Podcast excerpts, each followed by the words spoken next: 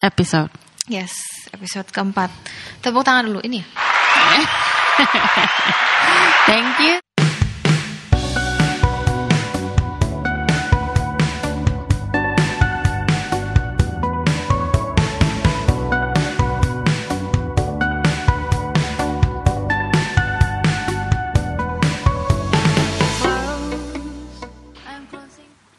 Hello, Hai.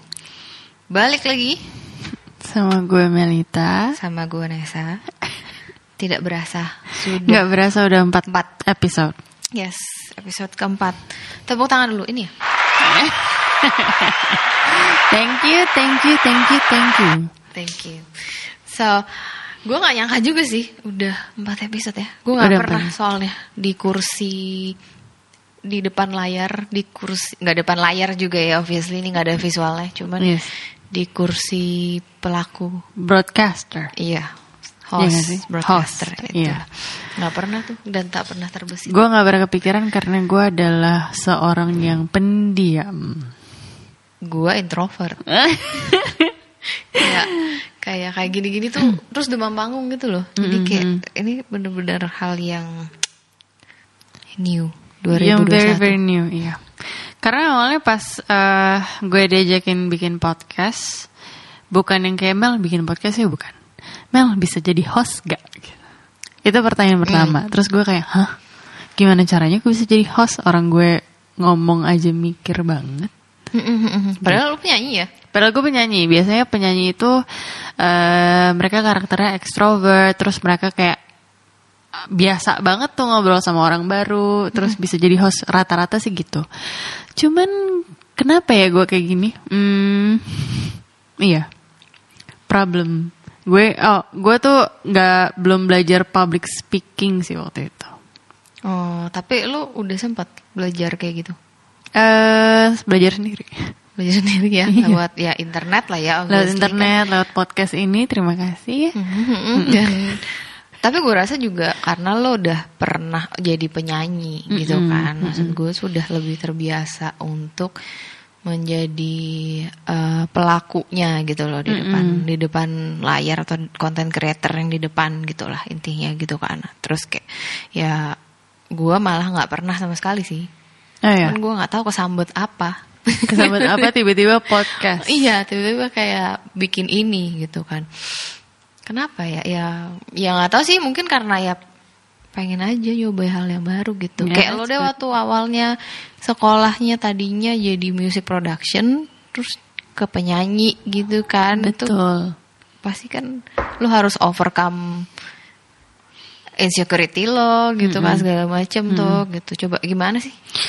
Eh kalau gue hmm gue mikir dulu ya gimana ya itu ya. Pas pertama kali banget lu manggung masih Oh, nggak? pertama kali gue manggung sih canggung parah.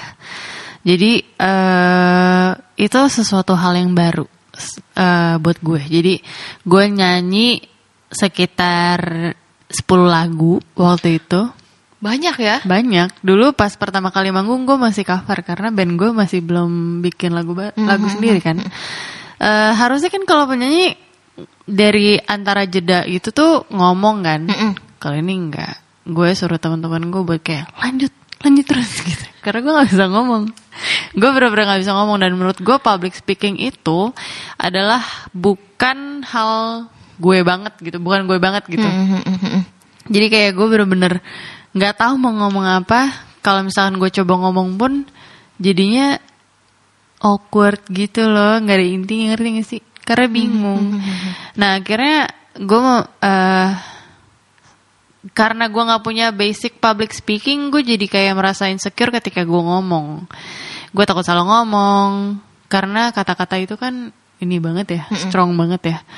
Gue takut ngomong, terus gue takut ya takut ngomong sih bener, nggak ada yang lain, gitu. Ya, abis itu akhirnya tapi gue memberanikan diri sih buat belajar public speaking sendiri tapi. Jadi lo belajar sendiri dengan itu jadi lo punya confidence akhirnya akhirnya berani untuk ngomong gitu. Berani, lumayan. Sekarang lebih baik. dibanding Bagus dulu. dong, kan berarti ada improvement. Betul. Ya. Kalau nextnya gimana?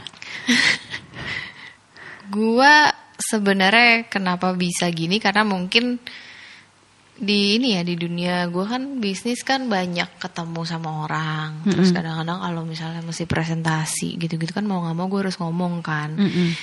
ya ati- akhirnya waktu itu mungkin keadaan situasi yang akhirnya ya udah deh gue kayak ya hajar aja gitu. Mm-mm. at the end of the day ya masih hajar aja gitu loh. Kayak lo mau mau ya gue biasa juga kan pasti kayak kelatihan lah ini itu ini itu. Cuman kan lagi-lagi pas mau ngomong terus kayak ada nah ntar gini ntar gini. Takut banget sama kayak orang lain tuh mikir apa sih kalau gue ngomong ini Yes. gitu kan. Kayak kayak gitu gak sih rasanya tuh kayak gue mau ngomong kata A aja takut nanti orang mikir ini gak ya orang mikir ini gak ya Iya. gitu. Jadi kayak gitu sendiri akhirnya kan lo bingung mau ngomong apa gitu kan jadinya kan. Cuman akhirnya ya udahlah yang penting gue ngomong aja nggak peduli orang mau ngomong apa gitu. I think it's the last lasting gitu buat gue kalau kayak nanti aja kalaupun ada orang yang ngomong kayak gitu ya udah nanti aja dipikirin yang gak usah sekarang. Yang penting dieksekusi dulu aja gitu. Gue sih waktu itu kayak gitu sih. Betul.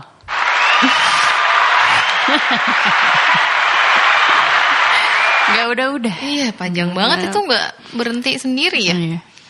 Iya, eh, sama sih eksekusi ya betul. Mm-mm. Eh, jadi gue kayak kasih apa ya? Gue mikirin tuh kekurangan gue apa ya ketika di panggung. Oh kurang ngomong, kurang say hi sama audience. Em, jadi gue bikin notes sebelum gue naik ke panggung. Notes notes apa? Eh notes notes kayak apa yang mau gue omongin di panggung di jeda lagunya gitu. Jadi kayak lebih terlatih ya sekarang. Kalau awal sih kacau banget. iya balik lagi ke latihan ya Kelatihan. latihan tiap hari ya untuk ngelawan noise noise yang ada di kepala lo itu nggak sih Takut dikritik gak sih lo? Iya takut banget sih. Padahal sebenarnya kadang-kadang kritik tuh bagus juga. Kadang-kadang kritik membangun kita juga kan gitu. Cuman emang kenapa ya kita kayak gitu? Ya insecure ya. Insecure. Memang banyak banyak kritik yang membangun dan ada juga kritik yang apa eh, menjatuhkan juga kan. Kalau kita sih, kalau gue sih kayaknya harus belajar buat membedakan dua itu. Karena apa sam- dikritik dikritik tuh ist- eh, intinya nggak enak sih sebenarnya. Nggak nggak selalu enak gitu. Mau yang membangun mau yang menjatuhkan nggak semuanya enak. Jadi kayak gue harus eh, wise juga gitu untuk memprosesnya itu gimana. Gitu. Dan harusnya dijadiin bahan untuk belajar ya. Betul. Malahan gitu. Karena kalau misalnya sebenarnya kalau misalnya nggak dikritik juga jadi aneh sih. Jadi, Jadi kita aneh. juga nggak bisa lo berkembang. ngapain anyway. aja sampai nggak ada yang kritik lo hah bobok doang adek Diam jadi batu. jadi batu aja makan terus jadi batu, batu aja kadang ditendang Iya. nggak salah apa-apa gitu kan kalau di jalan gitu kan kadang-kadang misi lu gitu tendang gitu kan ya. Maksudnya apalagi kita kayak manusia. Iya. Cuman emang kadang-kadang insecurity tuh kayak ngebikin kita tuh jadi berfi- overthinking. Nah jadinya sebenarnya mungkin dia ngomong kritik yang sebenarnya bagus buat kita karena kita nganggapnya jadi ah ternyata gue kayak gitu ya gue kayak gitu ya. Terus jadi malahan bukan bangkit dari situ gitu loh malahan jadi kayak ini. Dan kadang-kadang sebelum memulai sesuatu aja kita udah langsung mikirin apa yang bakal dijudge orang gitu? Apa Betul. yang ini bakal in- bagus nggak sih? Ini bakal apa nggak sih? Gue tuh eh, siapa gitu-gitu. Kayak ngapain sih ngomong gini? Ngapain sih ngomong gitu? Gitu. Jadi kayak kayak gitu sih. Takut salah. Takut salah. Nah semua fear yang ada di sini yang kayak insecurity eh, takut diomongin orang takut dijudge orang. Itu tuh sebenarnya dampaknya lumayan nyebelin sih. Dampaknya tuh eh, bikin kita jadi kayak takut untuk melakukan hal baru. Iya betul.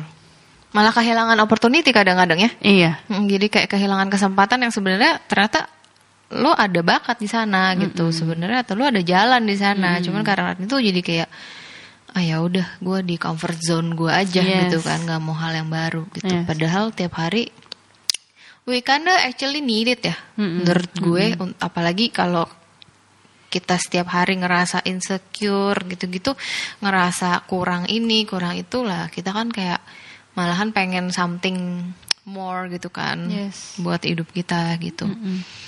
Iya, Setuju, betul. setuju banget. sekali, setuju sekali. Setuju sekali saya sama Anda. Mungkin gue rasa juga banyak kayak listeners di sini tuh yang ngerasa kayak gitu sih, terutama cewek ya, Terutama cewek yang ngerasa.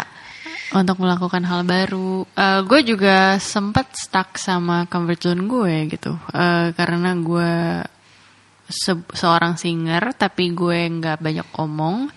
Ya belajar tentang public speaking itu sesuatu yang apa menyentil insecurity gue Hmm. gitu. Em, dan ternyata setelah gue pelajarin public speaking, oh ternyata eh, pelajaran ini berguna banget ya gitu.